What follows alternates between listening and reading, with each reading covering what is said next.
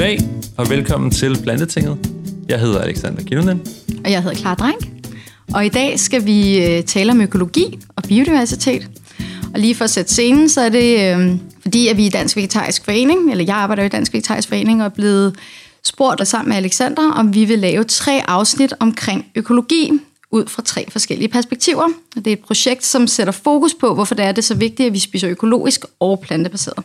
Så i studiet i dag har vi selveste Martin Keller. Hej Martin. Hej. Vil du ikke uh, lige sætte nogle få ord på dig selv? Jo, det vil jeg godt. Øh, jeg hedder Martin Keller, og jeg, jeg, har, jeg er jo kendt fra at have kan man sige, skrevet Naturpatruljen med, med Ketil og Dr. Pjuskebusk helt tilbage i uh, 97, hvor vi begyndte at lave de første optagelser i Danmarks Radio, og, og jeg fandt på, at vi skulle lave Get en Lort, øh, og, og så videre, som, som blev et hit dengang, fordi vi første gang fik lov til at sige lort i børnetv, hvilket var, var, var, sjovt, men også meget sådan, seriøst. Øh, hvordan lærer vi at, at få kendskab til naturen på en hyggelig, rar måde med nogle små dramaer ind imellem. Og så senere hen, så efter naturpatruljen på DR, øh, så lavede vi øh, Martin og Ketil Verden for Begyndere, hvor vi havde et rumskib, hvor vi fløj jorden rundt og besøgte øh, mennesker og dyr, kan man sige, i hele verden, øh, og lavede, jeg tror, vi fik lavet cirka ja, 500-600 programmer ikke? i alt, øh, i træk. Og så er meget glad for nu at arbejde i Dansk Vegetarisk Forening, øh, verdensmålchef, og arbejder med, hvorfor at biodiversiteten øh, kan man sige, øh, hænger sammen med den måde, vi producerer vores fødevarer på. Simpelthen. Så er du også blevet en del af Martin og Clara, så Ja, Biodiversitetspatruljen. Så, ja, Biodiversitetspatruljen, dejligt. Ja, ej, bare lige for at sige, så Martin og jeg arbejder tæt sammen omkring noget undervisningsmateriale, øhm, som skal netop forklare omkring biodiversitet og vores konventionelle animalske produktion, og hvordan det hænger sammen. Og det er jo blandt andet det, vi skal tale om i dag. Så øhm, Ja, ja, vil du ikke sætte... Øhm, jeg kunne godt tænke mig, Martin, jeg synes, du fortæller så spændende omkring øhm, sådan den danske natur og vores danske natursyn. Hvordan, hvordan ser det ud i dag? Øh, altså allerførst med, med vores natursyn, det, det, der er det jo interessant, at, at vi har et, et natursyn, som, som bygger på et, et guldalder natursyn, ikke? Fra, fra århundredeskiftet, ikke? med gule kornmarker og landsbykirker og, og, og, og små skove og, og, og en lærke, der synger. Øhm, og så har vi det billede af, at sådan, at sådan er vores natur. Men, men, men vi har aldrig rigtig lært, hvad, hvad egentlig er øh, øh vild natur er. Hvad er biodiversitet? Hvad er natur med høj biodiversitet? Det, det har vi ikke rigtig lært, og vi har ikke rigtig, heller ikke lært, hvad, hvad vild natur er, fordi det er mange hundrede år siden, vi egentlig havde vild natur i Danmark. Så derfor kender vi ikke en vild natur. Øh, man har vild natur i Sverige og i Polen blandt andet, men, men øh, det er jo få danskere, der tager måske ind i en urskov og oplever, hvad, hvad, hvad vild natur er. Mm. Og hvordan skal vi kunne redde naturen, hvis vi ikke engang ved, hvordan den ser ud? Og det, det synes jeg faktisk er altafgørende for det, vi taler om her med biodiversitet, økologi og hvordan vi forbruger, og hvordan vi passer på vores miljø og natur. Hvis vi ikke engang ved, hvad det er, vi skal redde, så er det ikke så mærkeligt, at vi ikke gør mere for at redde det. Og det er det, det, det, det, jeg synes i hvert fald, vi kan snakke meget mere om. Helt klart. Altså i vores projekt her, der, der er jo virkelig lært meget om natur. Fordi vi blandt andet, altså for eksempel når jeg har kørt med toget op til øh, Gilleleje eller noget, så kører man igennem en masse bøgeskove. Og der er jeg for et år siden, der tænkte, ej hvor dejligt, vi har jo, vi har jo faktisk skove i Danmark. Så var vi ude i nogle af de skove, da vi skulle lave nogle videoer til det her materiale, hvor Martin sætter meget fint øh, ord på det her med, det er jo faktisk bare bøgetræer, der står lige op og ned. Der er kun lidt øh, blade i bunden, og der er, faktisk, der er faktisk ikke noget liv whatsoever. Selvom det ser ud som om, at der er jo, nå, det er jo en skov, der må være en masse liv, ikke? men der er ikke noget vand i skovbunden, der er, ingen, der er ikke noget liv, faktisk. Nej. Øhm, så det er bøgeskovene, og det er de gule marker, ikke? der Ja. er den danske natur, faktisk. Ikke? Jo, jo. Og jeg, jeg kommer jo direkte fra urskoven, ikke? Altså, jeg så i går nat i, inde i urskoven, ikke? Altså, det var både i Polen og i, i Nordtyskland, hvor der er nye etablerede urskov, og, og det her med at være i, en- i en urskov med så meget øh, fuglesang og så mange sommerfugle og så mange vilde dyr omkring en, det er det, man virkelig oplever, at det her er det, vi også kunne have haft i Danmark, hvis vi ikke havde den kæmpe kødproduktion, vi har med store fodermarker til vores svineproduktion, som tager det meste af vores lands areal. Så, så det at køre igennem lige når man kommer til Danmark og kører fra Gæsser til, til, til, til mod København, så fra Gæsser til, til Køge, der, der, der, der, der, der fik jeg sådan et billede af, at vi kører mellem øh, gule grydesvampe og grønne ballonger. Det er ikke gule og grønne skove, men det er gule grydesvampe og grønne ballonger. De gule grydesvampe, de er drænede, tørre, udtørrede, udpinte marker, der, der producerer korn, fod, foder til vores øh, hovedsageligt til vores foder, til vores svineproduktion, altså konventionelle marker, hvor man bruger giftstoffer i. Og så er der grønne øh, bobler eller grønne ballonger, og det er altså de her skovområder, hvor vi udenbart vil sige, at naturen er jo der, der er nogle træer i, i store mængder, øh, sammen øh, i, i klynger, i, i, i nogle klumper, kan man sige. Men det er faktisk en grøn ballon, fordi at det skallen er grøn. Altså skallen er grønne blade, men inde i selve ballonen, inde i selve skoven, er der nærmest intet biodiversitet, altså forskellige dyrearter. Der, der, er, en, der er en solsort og en drossel og en, og en, og en skovmus eller en, en rødmus, men der, der er ikke biodiversitet. Men når vi kører igennem landet, så tænker vi, at det her natursyn, vi har, at jamen, sådan ser naturen ud. Det er åbenbart fodermarker, og det er, øh, der er grydesvampe, gule grydesvampe, og så er det de her grønne ballonger, der er de her, man kan næsten sige, øh, indbilske øh, øh, skove, mm. hvor vi ligesom tror, at det er natur, men det har, det har intet med natur at gøre. Det er bare nogle træer. Kan vi lige få nogle tal på plads? Hvordan er det nu? Hvor meget beskyttet eller beskyttelsesværdigt ja, altså natur særlig, er der i Danmark? Særlig gunstig bevaringsnatur, eller, eller vildt beskyttet natur i Danmark, der er vi jo sammen med Belgien det dårligste land i Europa. Det, vi, vi er det land sammen med Belgien, der har mindst natur, mindst vild natur. Og vi, altså, tal, kan, tal kan kan måske ikke sige så meget, men, men 2,3 procent, altså cirka 10.000 kvadratkilometer af vores land, er, er, er beskyttet natur, og det er 2,3 procent af arealet. Af, når man har et areal på 43.000 kvadratkilometer, så, så er de her 10.000 kvadratkilometer ikke noget særligt, og det er meget, meget lidt, vi har. Og vi skal op på altså EU, Jamen, ja, siger, at vi skal op på 30 procent. cirka 30 procent.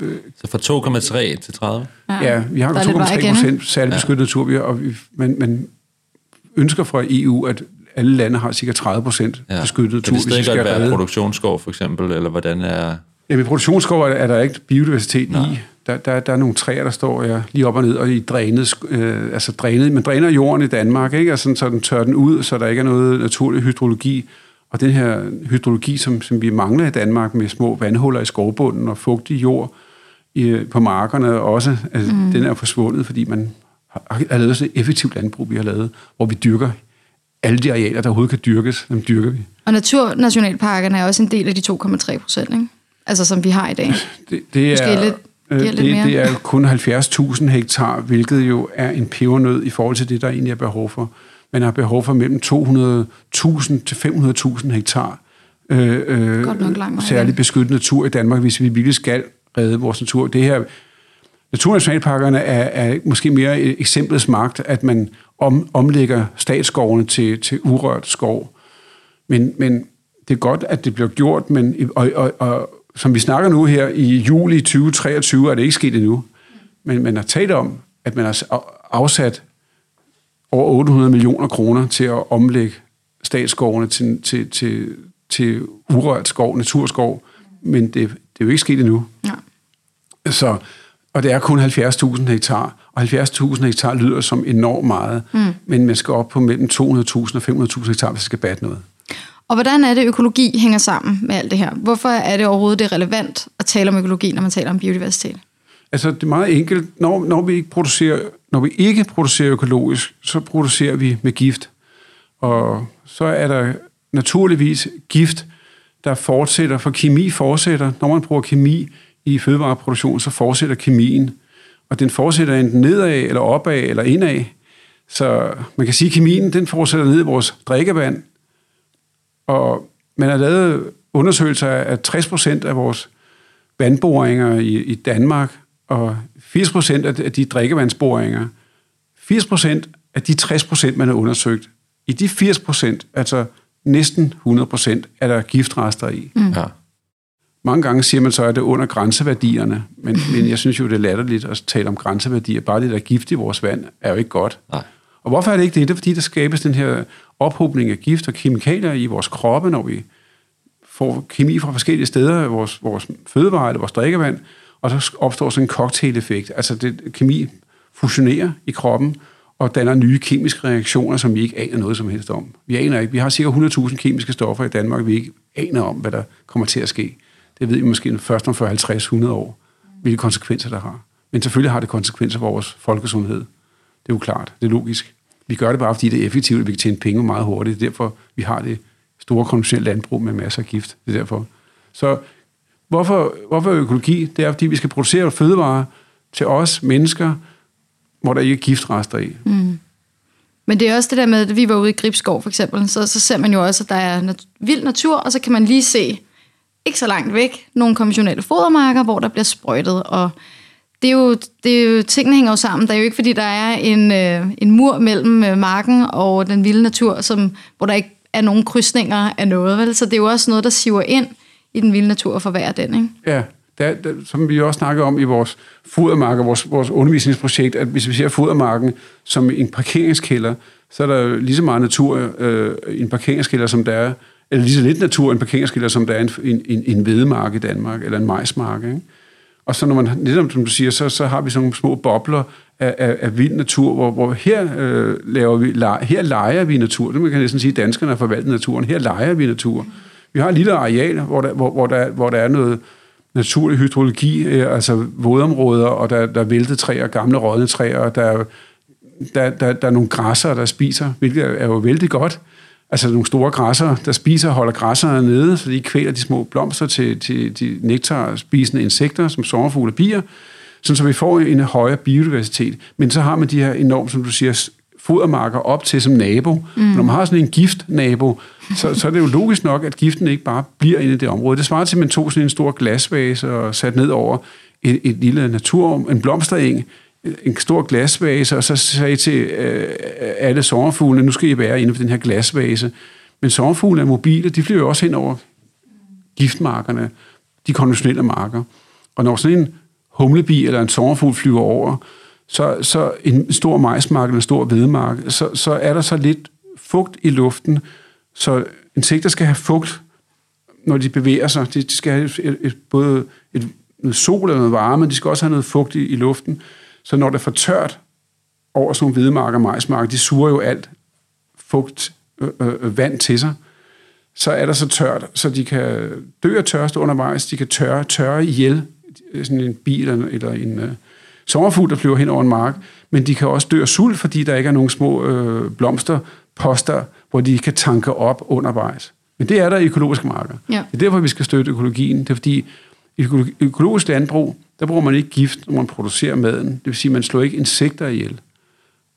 Bestøver ihjel. Man slår og det er det, giften gør primært. Det er giften gør. Ja. Og den, eller også ødelægger den deres hukommelse, eller deres forplantningsevne, eller, eller alt muligt. Den, gør, ja. den påvirker enormt, hvis den ikke slår dem ihjel, insekterne ihjel. Så, så, har, så økologiske landbrug har jo også randområder, øh, bælter, insektbælter med, med forskellige, man siger et år hjemmehørende urter, som, som de her 298 forskellige øh, vilde biarter lever af, og, og de her cirka 63-64 dags øh, sommerfuglearter, som vi har tilbage i Danmark. Vi har jo kun 64 arter tilbage. Det lyder det altså ret meget. Nå, okay, jamen, ja, det, det er, ikke, der er 12 arter, der er uddøde de sidste 50 år, og, og ud af de arter, ud af de nogle af 60 arter, det siger det nogle af 60, det er helt nye tal, ikke? Jeg siger 3-64 arter, ikke? Og så, så er der cirka en tredjedel af det, at de ved at forsvinde. Lige nu, lige ved at forsvinde. Og så er der en tredjedel, der klarer sig rimeligt lokalt, og så er der en tredjedel, der klarer sig OK, bare OK. Så i virkeligheden er det en tredjedel, der klarer sig OK af de 3-64 insekt, øh, ja. sommerfuglearter, vi er tilbage. Ja. Så det forsvinder lidt, ja. vi har tilbage. Det, det er ekstremt lidt, vi har tilbage.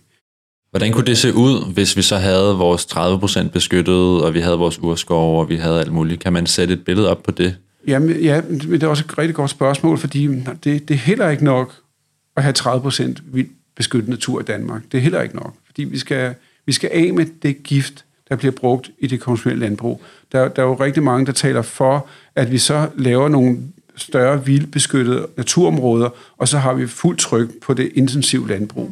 Og det er, som jeg sagde før, det svarer til at hænge en, en glasvase, man lægger ned over naturen og siger, nu skal naturen være der, og så ikke tænker på, at sangfuglene og insekterne er mobile, de flyver hen over de gift øh, sprøjtede marker og bliver inficeret eller dør. Så, så, så man kan ikke, man mm. kan ikke, selvom man prøver at, at bilde folk ind, at man godt kan, lave intensivt konventionelt landbrug ind imellem det, øh, det økologiske og, og, og de, de nye naturområder. Man skal ganske enkelt stoppe med at bruge gift i vores fødevarer. Ja, det gælder jo også, det talte vi om lidt tidligere, at det der med, at, at når vi importerer, så er det jo også vigtigt, at det er økologisk, fordi lokalt, der hvor det bliver produceret, gør det jo også enormt meget skade på folkesundheden og på biodiversitet og det ene og det andet. Ikke? Så, ja. så det er jo ikke, altså man kan ikke se det som sådan nogle isolerede øh, områder, hvor det ikke, altså det har jo Nej, også effekt. Ikke? Det er også der. den empati ja. og kærlighed og næstekærlighed, der, der, der, der, der er i det her økologi, øh, kan man sige, diskussion af, at man, man tænker på andre mennesker, man tænker på dyr, man tænker på fremtidige generationer. Det er ikke kun mig selv og min mad, jeg tænker på. Jeg tænker også på, at andre også skal leve giftfrit. Mm. Ja.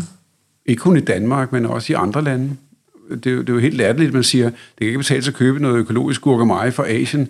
Der, der, så, så, så har man øh, brugt en masse energi på at transportere det, men det er altså kun cirka 7% der går miljøbelastende fra, fra, fra de grøntsager, man, man øh, importerer fra andre lande. Og så, som du siger, de fattige arbejdere, der arbejder i de produktioner, de bliver jo syge af at arbejde i de her konventionelle produktioner, hvor der er meget, ofte meget stærkere gifte, end vi bruger i Danmark. Nu har jeg arbejdet med bananer og jeg har lavet dokumentationer, jeg har filmet økologiske bønder, jeg har set konventionelle øh, bananproduktioner, og så ser man de her slavelignende øh, arbejdere, der går rundt med, med, med sådan nogle halsterklæder omkring deres ansigt og bruger vanvittigt stærke sprøjtegifte i den konventionelle bananproduktion eller citrusproduktion. Og ved at købe en konventionel banan eller en citrusfrugt, så, så støtter jeg også øh, de stakkels arbejdere, der går i det gift, hvor, hvor, hvor man siger, at bananproduktionen, der, der, der er næsten halvdelen øh, får cancer øh, af dem, der går og sprøjter. Det er jo alvorligt, så det, det, er, skal, det er det hele vejen rundt. Ja. Det er hele vejen rundt, vi skal, vi skal ja. købe økologisk. Ja, ja. Og så er der så også øh, øh, forklaringerne her, men man siger, man kan jo ikke smage forskel, siger folk. Når, når, når jeg, når jeg spørger nogen, så spørger jeg tit nogen, der, der er egentlig, som jeg vil mene har penge nok. Det synes jeg også er sjovt. Fordi der er rigtig mange, der siger, jeg har ikke råd til økologi. Og så spørger jeg tit nogen, der er sådan bedre middelklasse, om hvor, når man så ser deres køleskab, hvor der ikke er et støvgræn af økologi i deres køleskab, eller det, vi spiser. Hvor, hvorfor er der ikke noget økologisk? Men så siger de, vi kan ikke smage forskel. Hvorfor skal vi så gøre det? Og det er, sådan nogle, det er mennesker, der har råd til det. Så der er ikke nogen, der er ikke nogen undskyldning for at sige, at vi har ikke penge til det. Eller sådan noget. Men så, så det handler ikke om at smage forskel eller, eller noget som helst. Det handler om at forstå helheden og forstå det holistiske billede af, at vi gerne vil have vores sommerfugle. Så, så, så en af mine venner er journalister og interviewer nogle svinebønder øh, ved konventionelt landbrug, og så, så, så sidder der to sommerfugle på, på, på det her tebord, hvor de sidder og, og bliver interviewet uden for deres svineproduktion, og så siger svinebunden så, jamen der er to sommerfugle der, er det ikke nok? og så vi har det her billede af, at jamen, der er en sommerfugl der, der er en bi der, en lærke der, er det, er det ikke nok? Men vi har slet ikke forstået, at over 70 procent er forsvundet på 50 år af vores samlede masse af flyvende insekter, og de fleste sangfugle er så hurtigt nedadgående, så, så vi har fra 30 procent til 10 procent tilbage af vores sangfugle i Danmark det er så alvorligt. Mm. Så, så vi, vil gerne, vi vil gerne gøre noget godt, og så når vi så tager springet i, ud fra det, vi er opdraget til at danne til, hvor vi er opdraget, jeg, jeg er jo opdraget dannet til kødspisning, at det, det var noget, det er det, man, det, det, det hovedformålet med vores aftensmad, det er, hvilket kød vi spiser, sådan er jeg jo opdraget til at så taget springet til at spise være hovedsageligt plantespiser, øh, og, og, og, og kommer meget op i at lave mad, som jeg gør, så, så synes jeg bare, at det, at det er... At, at vi skal forstå, at det, at det ikke nok bare at, at, at købe et selleri og kål, at det ikke nok bare at købe øh, plantefrikke eller plantebøffer, men det skal være økologisk. Fordi det er tusind gange bedre at købe en plantebøf, end det er at købe en mørbra. Så mørbra har jo cirka 260 gange større klimabelastning ja. end et kålhoved. Ikke? 260 gange mere. Det er vanvittigt tal. Altså, mm. det er ekstremt meget mere. Mm. Øh, miljøbelastende. Men når vi så øh, tager springet fra den her dannelse, vi, er, vi alle sammen er en del af, og vi kødspiser, øh, til at blive plantespisere, så, så, så, så kan jeg selv huske det der med, at nu gør jeg noget godt. Nu, nu, øh, nu gør jeg jo det rigtige. Men, men man skal forstå, at selv dem, der, der producerer konventionelle planteingredienser til vores planteprocesserede mad, eller vores, vores plantebaserede mad, som, som plantebøffer, jo også producerer ud fra, at der er giftstoffer og pesticider i det plantebaserede. Og det er det, vi skal forstå nu. Ja. Det næste spring, det er den nye generation, som vi gør nu, det er, at vi, vi er plantespiser. Den nye generation af plantespiser, det er, at vi også spiser økologisk, fordi vores insekter forsvinder så hurtigt, vores sangfugle forsvinder så hurtigt, vores regnummer forsvinder så hurtigt. Så alt det, der, der er grundlag for vores natur til, at vi kan overleve som, som mennesker og, og producere fødevarer nok til os, er, at vi skal passe på den natur, der er der, fordi vi skal have brug for bestøvere, og vi skal have brug for regnorme til at lave muljord og humus. Så vi har brug for alle de dyr, der er omkring os. Og dem slår vi simpelthen ihjel ved at bruge de giftstoffer, man bruger i de kommersielle marker. Både til menneskemad og menneskemaver, men også til den, den ekstreme, ødelæggende svineproduktion, vi har i Danmark. Det er hovedårsagen til, at vores natur forsvinder. Mm.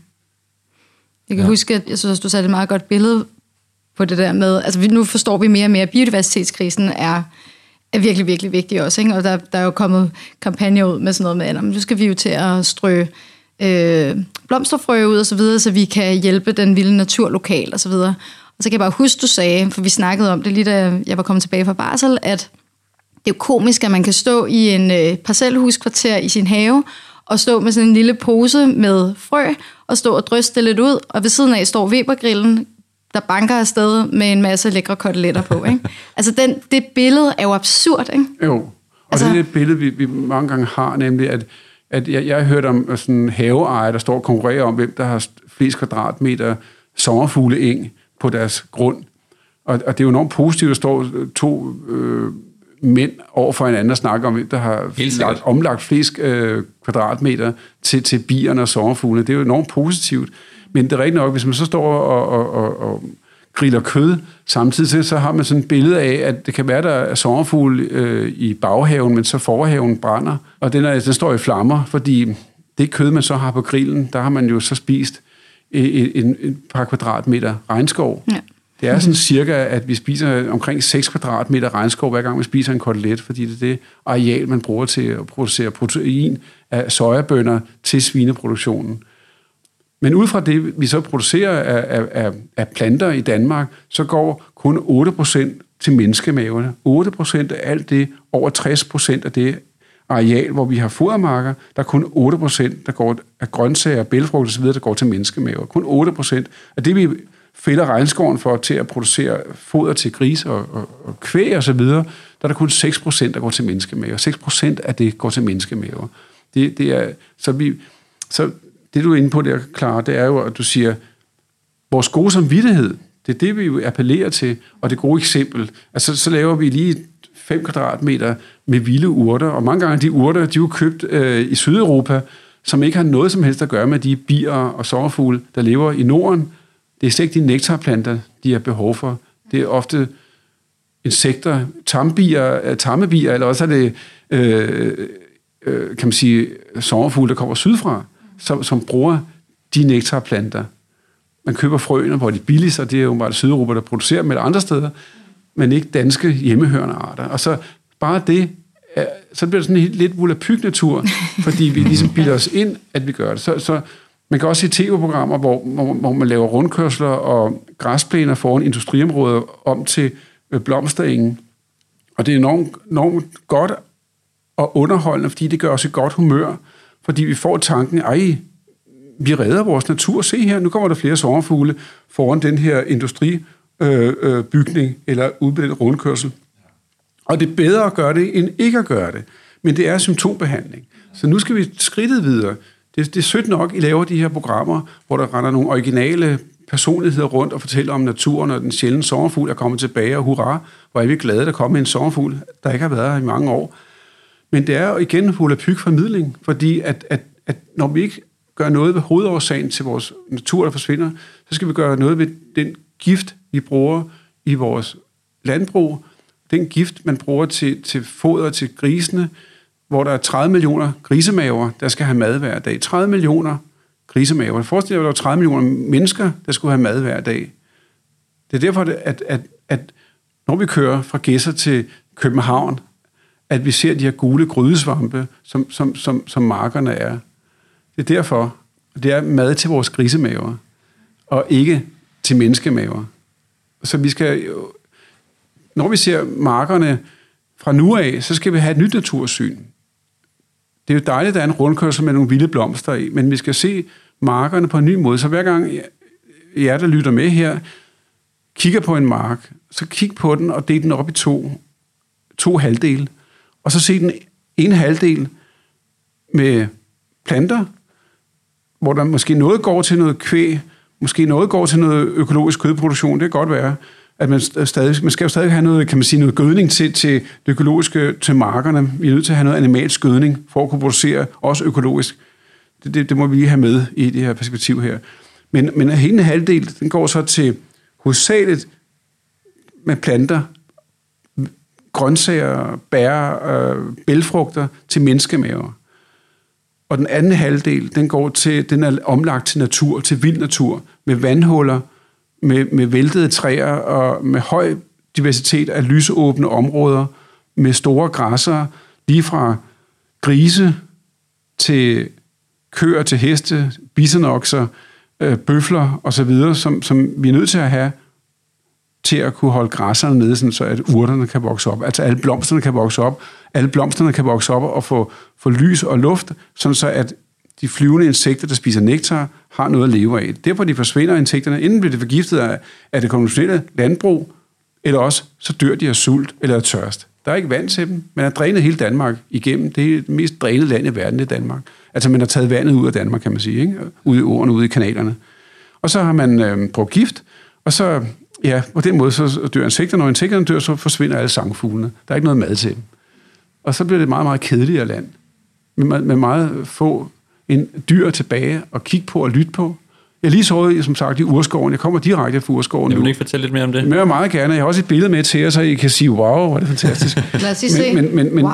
den, den, de her fugle, var sad, den, ja. Ja. ja. nu kan man ikke se fuglene her, i, i, hvad jeg laver her, men jeg sidder og kigger på, kan du beskrive, hvad det er for en fugl her, hvordan den ser ud? En meget smuk øh, lille fugl, der er gul øh, på hovedet og ned på brystet. Ja, skriggul, lad os sige det. Meget sådan øh, jungle, hvad hedder sådan noget, regnskovsagtig. Og så med en sort, sorte vinger og Ja, understel på maven. jeg tror kun, jeg ved ikke, om der overhovedet er nogen tilbage i Danmark. Måske er et enkelt, eller to-tre par tilbage. Men, men øh, der i urskoven var der piroler, hedder det. det, det man kan sige, det er knaldgule solsorte, der har en regnskovslignende øh, sang, som, som, som lyder simpelthen som en regnskovsfugl, der som, jeg lige prøve at lave den. Oj. Altså lyder, lyder helt fantastisk, og så var de på hver side af teltet, de her pyroler, der sang, øh, konkurrerede med hinanden. Og så når man så kigger ud, så er der gamle egetræer, bregner og vandhuller og væltede træer. Og man ved, der er en ulvefamilie i nærheden, og man ved, der er, øh, om natten kom der vildsvin helt til teltet med deres små unger osv. Men der er simpelthen dyr overalt. Når vi så kommer igen til Danmark, så ser vi, hvor rigidt Danmark er, hvor, hvor, hvor, hvor ødelagt det er, på grund af, at det har været god økonomi engang i at producere grise, og vi ikke har fået fortalt historierne til danskerne af, at økologi er vigtig for vores folkesundhed og vores, vores natur. Hvor meget økologi er det nu, der er i Danmark? Vi talte om det før. Vi er nogle af de bedste til økologi, Ja, og alligevel er det kun. ja det, og det, der, der er det lidt sjove ved, at jo mere ud på højrefløjen, der kommer i dansk politik, jo, jo mere bryster øh, politikerne sig af, at vi er verdensmestre i, i, økologi. Og det synes jeg er lidt komisk. Men, men øh, vi, vi er klart en førsteplads øh, i Europa med økologi, og, og anden, tredje, fjerde pladsen er langt, langt, langt længere nede, end danskerne er, så vi er faktisk en spydspids. Men når vi ser det ud fra det samlede landbrugsareal, så er det øh, 12-14 procent af landet, der er økologisk dyrket. Altså igen en pebernød, ligesom vores naturnationalparker, en pebernød. Så, så det er bedre end andre lande, men det er jo Men det er stadig skidt. det er vanvittigt lidt. Er det 12-14 procent af landbruget, eller hele Danmarks areal? Det, det er det, er, det opdyrket areal. Okay, ja. Er, er, der- er der kun ø, øh, Ja. cirka 12-14 procent økologiske marker. Altså omvendt over 85 procent, der ikke er. Ja, Ja. Det er jo helt Det er jo også ret slående, ikke? Mm. Og Ja. det er stadig verdens bedste. ja, Ja. ja og, og så, så er, er, det, er det jo, altså det her med, at det, altså, så, så, så, så kan der være krisetider i Danmark. Man kan se, at så kan økologien gå lidt ned, og, og man, man, man, man er bange for sin økonomi. Og så, så, så er- kommer spørgsmålet igen til at falde på, har vi råd til at købe økologisk? Og Og, og, der, jeg er helt enig i, at der er nogle fødevarer, der er særligt dyre økologisk. Mm. Det, det, det, det har jeg jo heller ikke selv råd til i min egen daglige økonomi. Men, men, men jeg sætter da klart en ære i at købe næsten hovedsageligt økologisk, øh, alt hvad jeg køber. Og så, så, så sparer man bare på noget andet. Og jeg synes tit, de indkøbskurver, man ser, øh, når folk køber ind, og det er dejligt at kunne pege fingre af andre. Mm. Øh, bare, bare man gør det med glimt i øjet, selvfølgelig, fordi det, det ikke er så tilladt at gøre det, men, men, men man ser jo tit indkøbskurve, hvor de køber uendeligt overflødige ting, som, som, som man, man, man nok godt kunne undvære. Men, men, men vi har jo det sådan i hjernen, vi bliver godt humør af at købe nye ting, især nye dimsedutter, og mere tøj og så videre bliver vi godt humør af. Det giver os en lille kig af godt humør. Men i virkeligheden skulle vi danne os selv til at være godt humør af, at vi køber færre ting, bedre kvalitet, bedre fødevarer, der koster lidt mere, men den glæde, vi så vil få ved at købe noget, der koster lidt mere og økologisk, det vil så også skabe den glæde, at vi så også redder nogle sommerfugle og nogle, og nogle sangfugle, som gør os i godt humør, når man så cykler igennem en, et dansk naturområde ja. i fremtiden, og stadigvæk kunne, kunne høre guldspor og, og, og sanglærker, og, og måske også komme til at se en pyrol i fremtiden, en, en knaldgul soltor, der synger som en truppefugl. Ikke? Altså, naturen kunne være langt mere underholdende. Den, den bliver mere og mere kedelig, og, og så, hvis man i forvejen ikke har et natursyn, hvor man ikke rigtig forstår naturen, hvad, hvad er kedeligt? Er naturen ikke bare kedelig foran? Men så kan man så sige, at naturen er mere farveløs. Det, det, det er de grå dyr, der overlever. Ikke? Det er bænke, grå bænkebider og kraver og skovduer i fremtidens natur, med alle de farvestrålende sommerfugle og sangfugle med flotte sangstemmer, de forsvinder lynhurtigt. Og det, og det er så alvorligt, så vi forstår det ikke rigtigt. Og jeg synes også, at medierne har et stort ansvar her, fordi tit de har naturvejledere og natureksperter i medierne, som, som glædeligt fortæller, de igen små, vil jeg så sige, volapykformidlinger, det er netop, at man fortæller om, lige her, der er det sjældne dyr kommet tilbage. Lige her er der en sjælden sommerfugl. Lige her er der et andet, hvor man tænker, ja, men altså i det store billede er det ligegyldigt at bruge tid på det, fordi naturen i generelt helhed forsvinder så hurtigt, som den gør. Og det er godt at have nogle gode eksempler. Det er godt at have nogle områder, hvor vi ser, her har vi etableret noget natur, eller etableret rammerne for den natur. Fordi det er da også vigtigt, som, som en, af, en af dem, vi arbejder sammen med her jo i Dansk Vegetarisk Forening, af Martin Sandager, der har lavet, købt et kæmpestort moseområde med bøfler og grise og vilde grise, ikke? Altså, øh, og har enorm biodiversitet i sit areal i, ved vejen i Jylland, øh, Kravlund, Lysåben Mose, kan jeg lige nævne. Der, der siger han så, at vi skal jo ikke se naturen som en syg patient, der skal reddes, eller, eller have noget, noget medicin og få det bedre. Naturen klarer sig selv.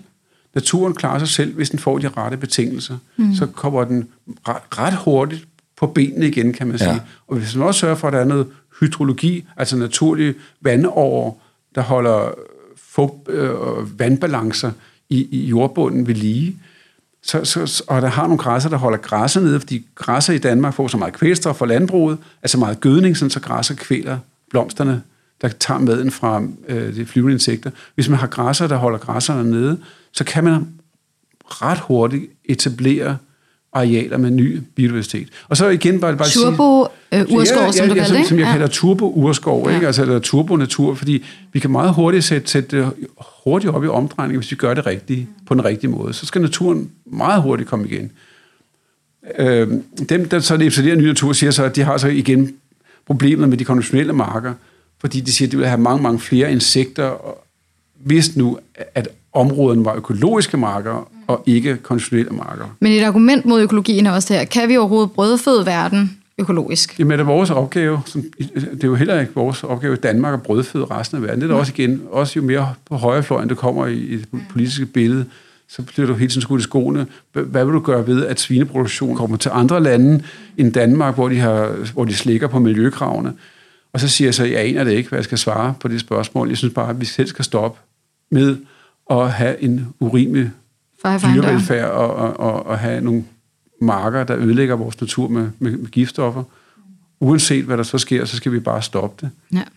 Og det er jo også bare det her med det, igen proportionerne. Ikke? Altså, det areal, der går til at vedlige, eller opretholde vores svineproduktion, er bare det er jo helt vildt meget. Ikke? Så som du siger, hvis man kigger på en kornmark og siger, at halvdelen kunne være vild natur, hvilket mm. ville være fantastisk, mm. jo man kunne lave noget turbo-natur, og den anden side kunne være økologisk, hvor i stedet for, at vi putter al den mad ind i vores grise, så giver vi den direkte til mennesker.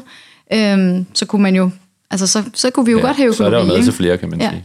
Ja. Vi kan sagtens øh, have mad til mange millioner mennesker, men, men man taler om, igen, de tal er så, så farlige at bruge, fordi man kan altid få skudt et andet tal efter, så når man har så sagt et tal.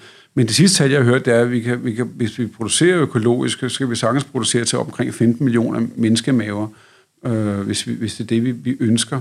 Men, men, men i virkeligheden øh, kan, kan mange lande rundt omkring også producere mad, hvis de fik, fik, fik hjælp til at producere på, på, på nye, mere regenerative, øh, naturvenlige måder, og ikke at begå de samme fejl, som vi har gjort i Danmark fra, fra 40'erne, 50'erne, 60'erne med, med brug af de ja. kemikalier, vi har brugt, og så lære dem at, at dyrke faktisk så mange bæredygtige, øh, fattige områder gøre allerede nu, som jeg selv har besøgt gennem UNICEF og Verdens Naturfonden, hvor, hvor, hvor de dyrker regenerativt, fordi det er det, de gør. Altså, de, de fattige områder, jeg har besøgt rundt omkring i verden, har ikke råd til at købe pesticider. Nej. så så, så, så de, de, de, de, de, de, de laver jo, øh, kan man sige, øh, kompost og, og har husdyrgydning, og de passer på der, deres bitte små frimærker af nogle marker, de, de lever af. Ikke? Er vi overhovedet selvforsynende med mad i Danmark, ved du det? For det er jo også et relevant modspørgsmål på en eller anden måde. Altså man kan jo ikke rigtig fjerne os fra, hvad vi importerer Nej, det er rigtigt. i det hele taget. Jeg synes ikke, det er så... Jeg synes ikke, det, det, jeg interesserer mig ikke så meget, om vi er selvforsynende eller ej. Vi kan, vi kan, hvis, det siger sig selv, hvis vi producerer langt mere til menneskemaver, ikke kun de 8%, vi gør, bruger, øh, producerer nu til menneskemaver, men lad os sige, det var, hvad nu hvis det var 50% af det, vi dyrker, øh, eller, eller 70% til menneskemave, så var vi rigelige med mad, også til mm. at eksportere. Ja. Og, og impo- importen af fødevarer, synes jeg også er, er, er vigtig. Det er en del af det at være et globalt samfund, og også i, i, igennem at, at, kan man sige, opkøbe, indkøbe fødevarer fra, fra fattige producenter rundt omkring i verden, der, der forsøger at gøre det økologisk og regenerativt. Øh, blandt andet banan, fairtrade-bananer, det kunne være kaffe, ikke? Altså, det kunne være mange andre steder, hvor vi så køber ud fra de certifikater, der, der, eller, eller emblemer, der, eller, eller, eller hvad kan man sige, beskrivelser, der er på parken af, men man, man beskytter noget skov, eller, eller, eller sørger for, at børnene kommer i skole, eller man, man hjælper øh, drikkevandsboringerne, eller øh, gør, øh, sørger for, at de har rent drikkevand i nogle af de områder, fattige områder i verden. Så kan vi jo hjælpe netop ved at købe deres, deres, øh, deres økologiske fødevarer. Nu er det her med drikkevand og alt det her med fangning af fisk, og sådan, hvorfor er der så få fisk i de danske farvande, og Ja.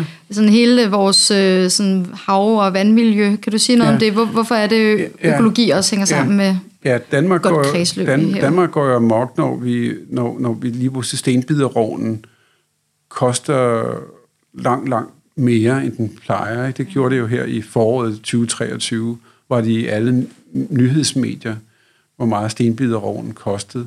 Og folk talte mere om prisen, end de talte om, hvorfor stenbideren forsvinder. Der er ikke rigtig nogen måske forklaring.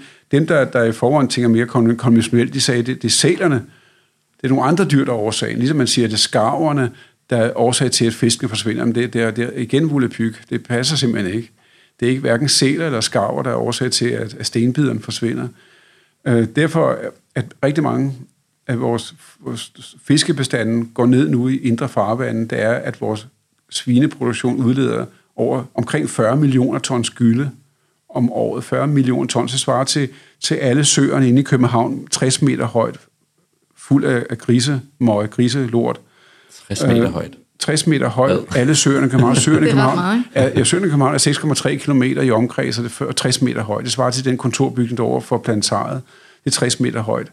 Så meget, så meget bliver udledt i Danmark om året af, af, af gødning. Kun om året, ikke? Og det, og det, og det siver ned i vores grundvand, siver ned i åerne, bækkene, åerne, og ud i vores, vores indre farvande.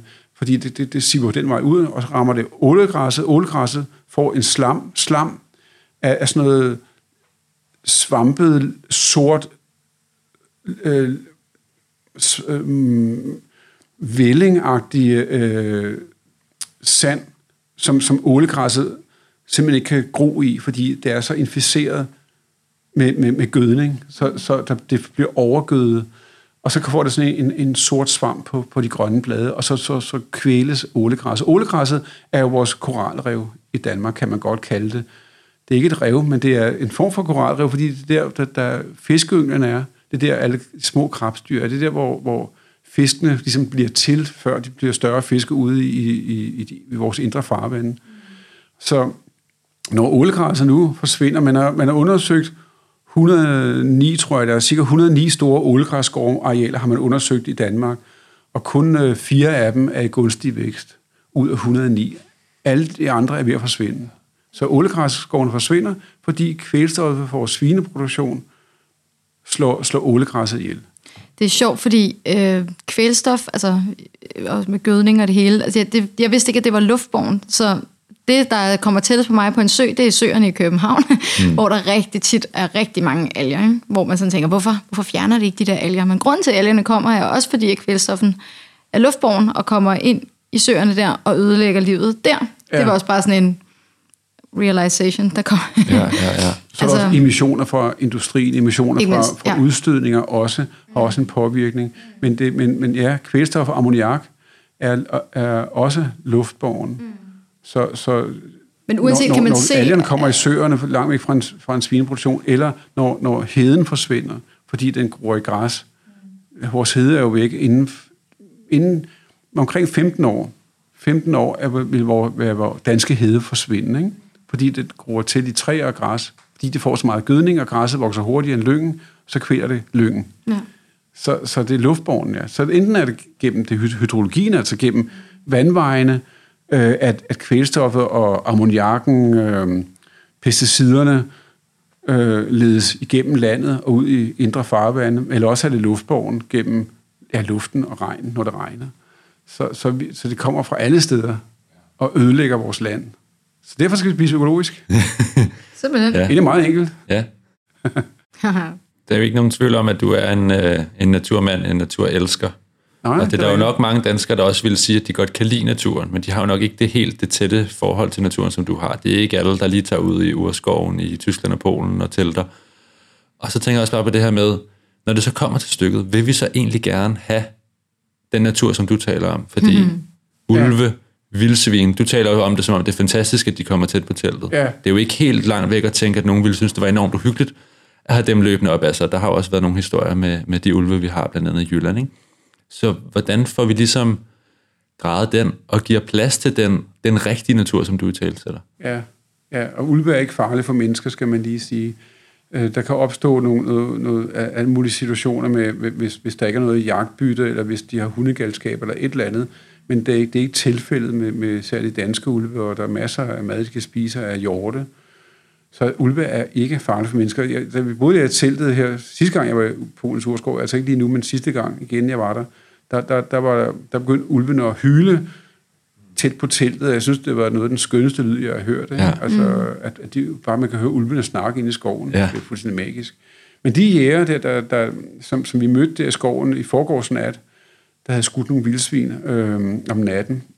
Øh, de sagde, at det var meget farligt for, for os at sove inde i skoven, fordi der var, der var altså tre ulvefamilier, der hvor vi sov. Ikke?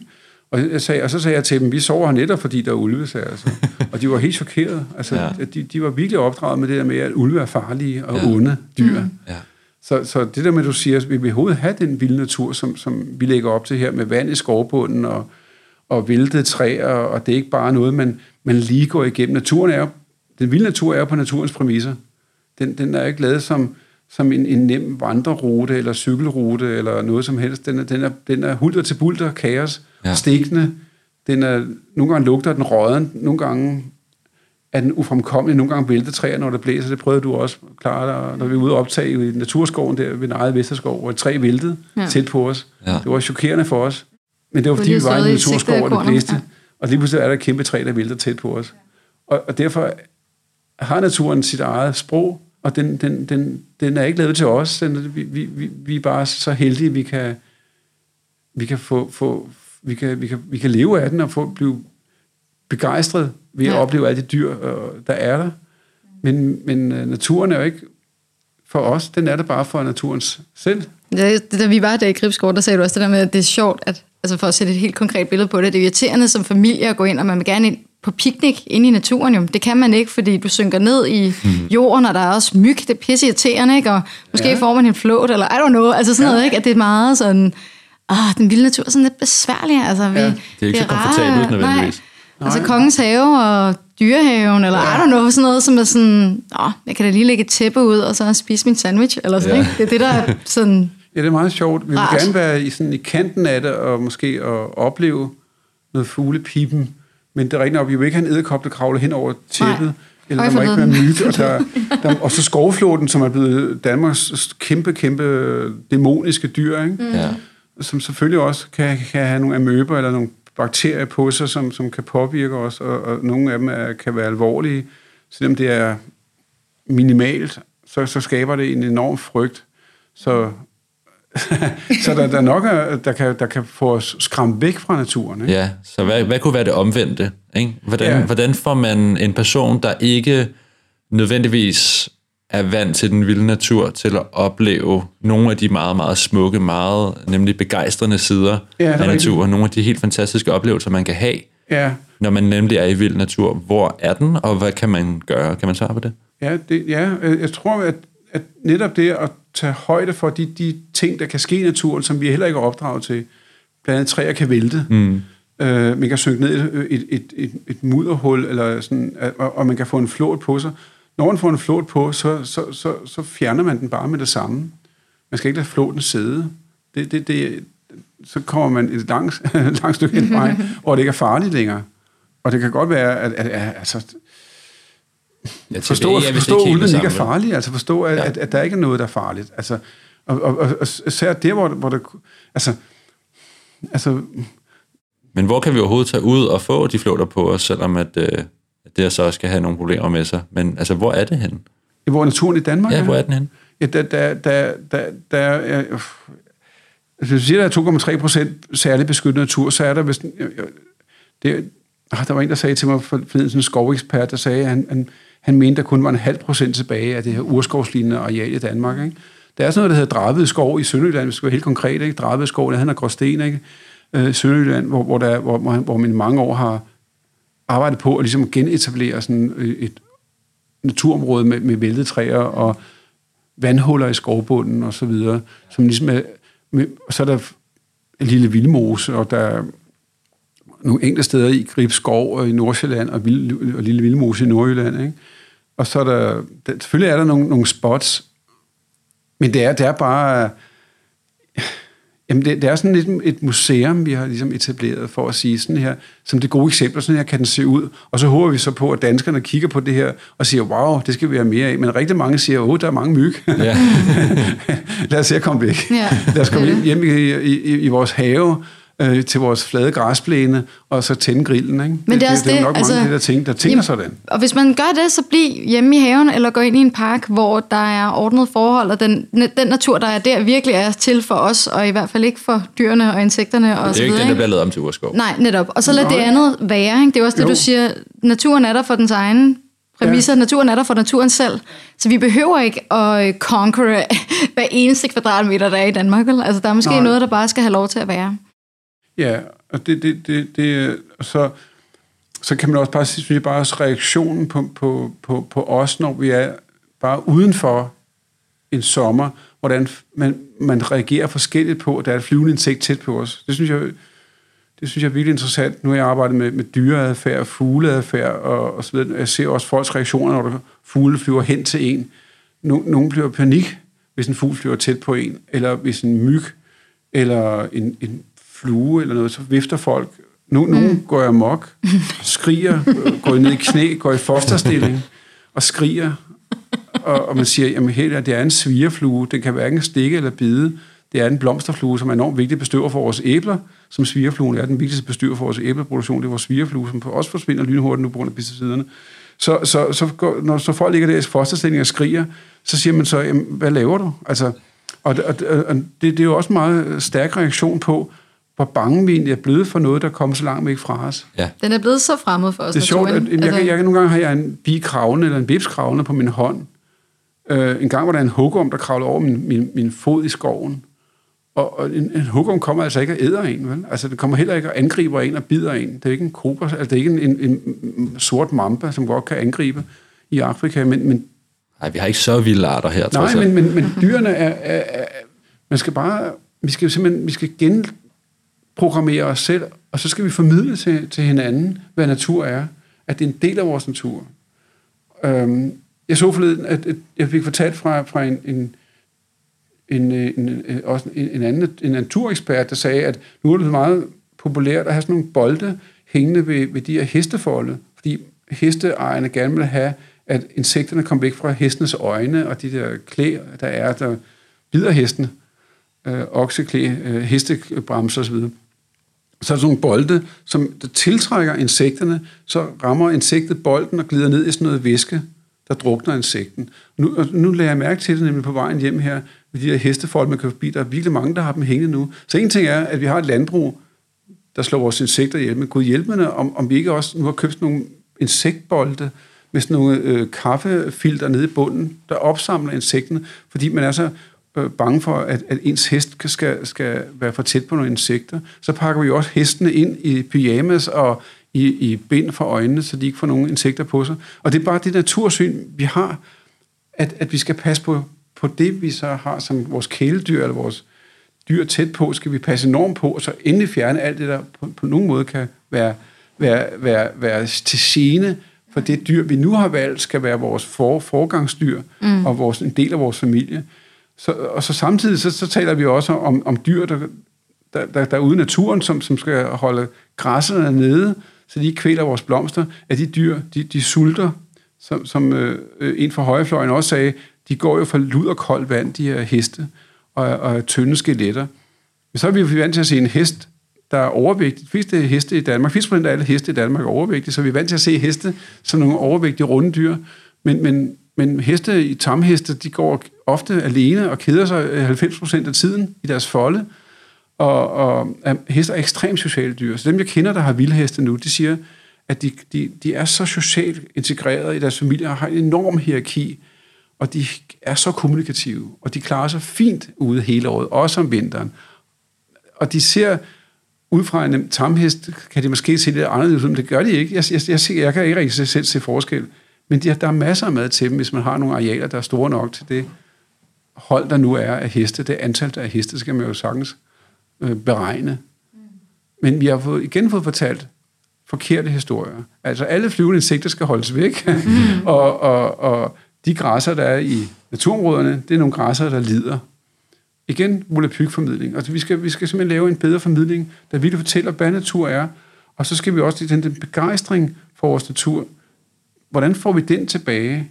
Det kan godt være, at det starter i bøgeskoven. Man må også tage den derfra, hvor man er, kan man sige. Mm. Ja, der hvor, hvor man er. Og man kan så sige, byens parker kan man også tage det fra. Jeg, jeg nogle gange går jeg med en kigger i parken. Ikke? Altså, det kan være en eller anden park. Og det lader jeg mærke til, når jeg så står og kigger på et eller andet. Så begynder folk at stoppe op og vil gerne høre, høre hvad det er, man kigger efter. Så begynder jeg at forklare, hvad det er. Om der, der sidder lige en sangfugl der, eller der var en havørn, der fløj over øh, parken i København, som jeg så forleden dag. Havørn, er der havørne her? Ja, den fløj hen over, og på et tidspunkt blev den begyndt at fange gæs i parken, så jeg siger så, ikke? Hvad den også ville. Jeg tror, den blev mere og mere urbaniseret havørn.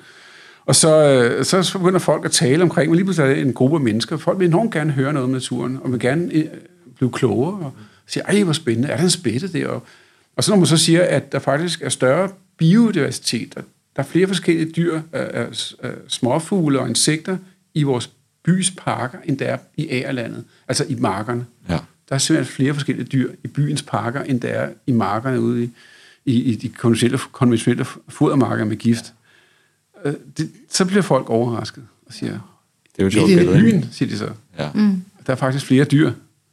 Flere forskellige dyr. Det synes jeg er virkelig, virkelig sjovt. Ja, det er det faktisk ja. og, og skræmmende. Ikke? Jo, Også. ind til kongens have for at komme øh, ud i naturen. Det er jo sådan ja, lidt. og du siger, at man skal starte et sted, man skal ja. måske starte der, hvor folk er. Men, men, men igen, synes jeg, svigerfluen er et godt eksempel. Den her lille flue, der står stille i luften, som er en blomsterflue, bestøver, ikke? Som, som ligner en lille vips, fordi den er gul og sort, men den der gør ingen skade. Men den måde, man kan reagere på, at skrige op og springe op, at vi kommer helt derhen, hvor vi er bange for, for alt, hvad der er natur. Og vil tage handsker på, hvis vi skulle grave lidt i jorden, og det kunne være, at der var en klam regnorm der. ja, hver tredje regnorm er jo, er jo truet nu, ikke? Altså hver tredje regnorm, hvilket er vanvittigt alvorligt for vores humus og vores muljord, ikke? Hvor det er, der, det er det, vi skal leve af, det er vores muljord til vores økologiske, fremtidige plantebaserede fødevarer, ikke? Så og når, den, når hver tredje regnorm forsvinder, så skal vi virkelig, så er vi travlt, altså. Vi har travlt. Vi har travlt. Ingen ja. om det. Men begejstringen er god at have, ikke? Altså, jo. Hvis man skal studie lidt håbefuldt, så, så kunne man håbe på, at vi langsomt, eller det skal gå stærkt, det, det, det er svært at formidle mm. hurtigt, fordi det kræver dannelse gennem generation, men formidle til, til, til, til, til nuværende generationer og fremtidige generationer, hvad er natur, og hvordan ser den ud? Hvad er det for noget natur, vi skal redde? Og det redder vi ved at, især ved at producere mere økologisk, fordi vi kan frigive de store giftholdige fodermarker til vores svineproduktion, kan vi omlægge til at være hovedsageligt plantebaserede fodermarker, øh, plantebaserede marker til grøntsager og bælfrugter til menneskemaver. Mm. Det er simpelthen det, der løsninger at afvikle vores konventionelle svineproduktion i Danmark. Ja.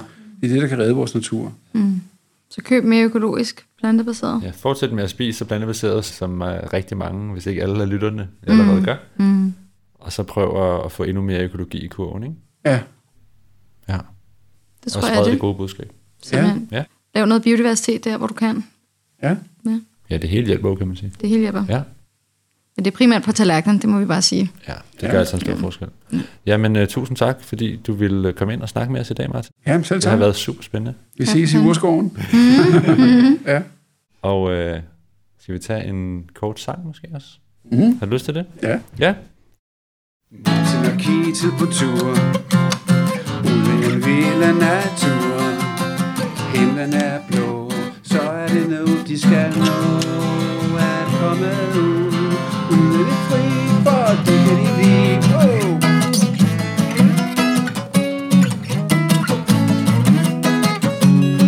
De ser på fugle Og bygger en hule Jeg bedste venner Spiser en smule Og hører en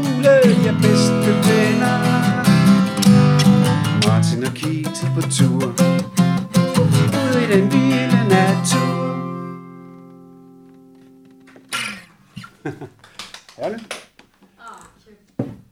Plantetinget podcast er en del af Dansk Vegetarisk Forening.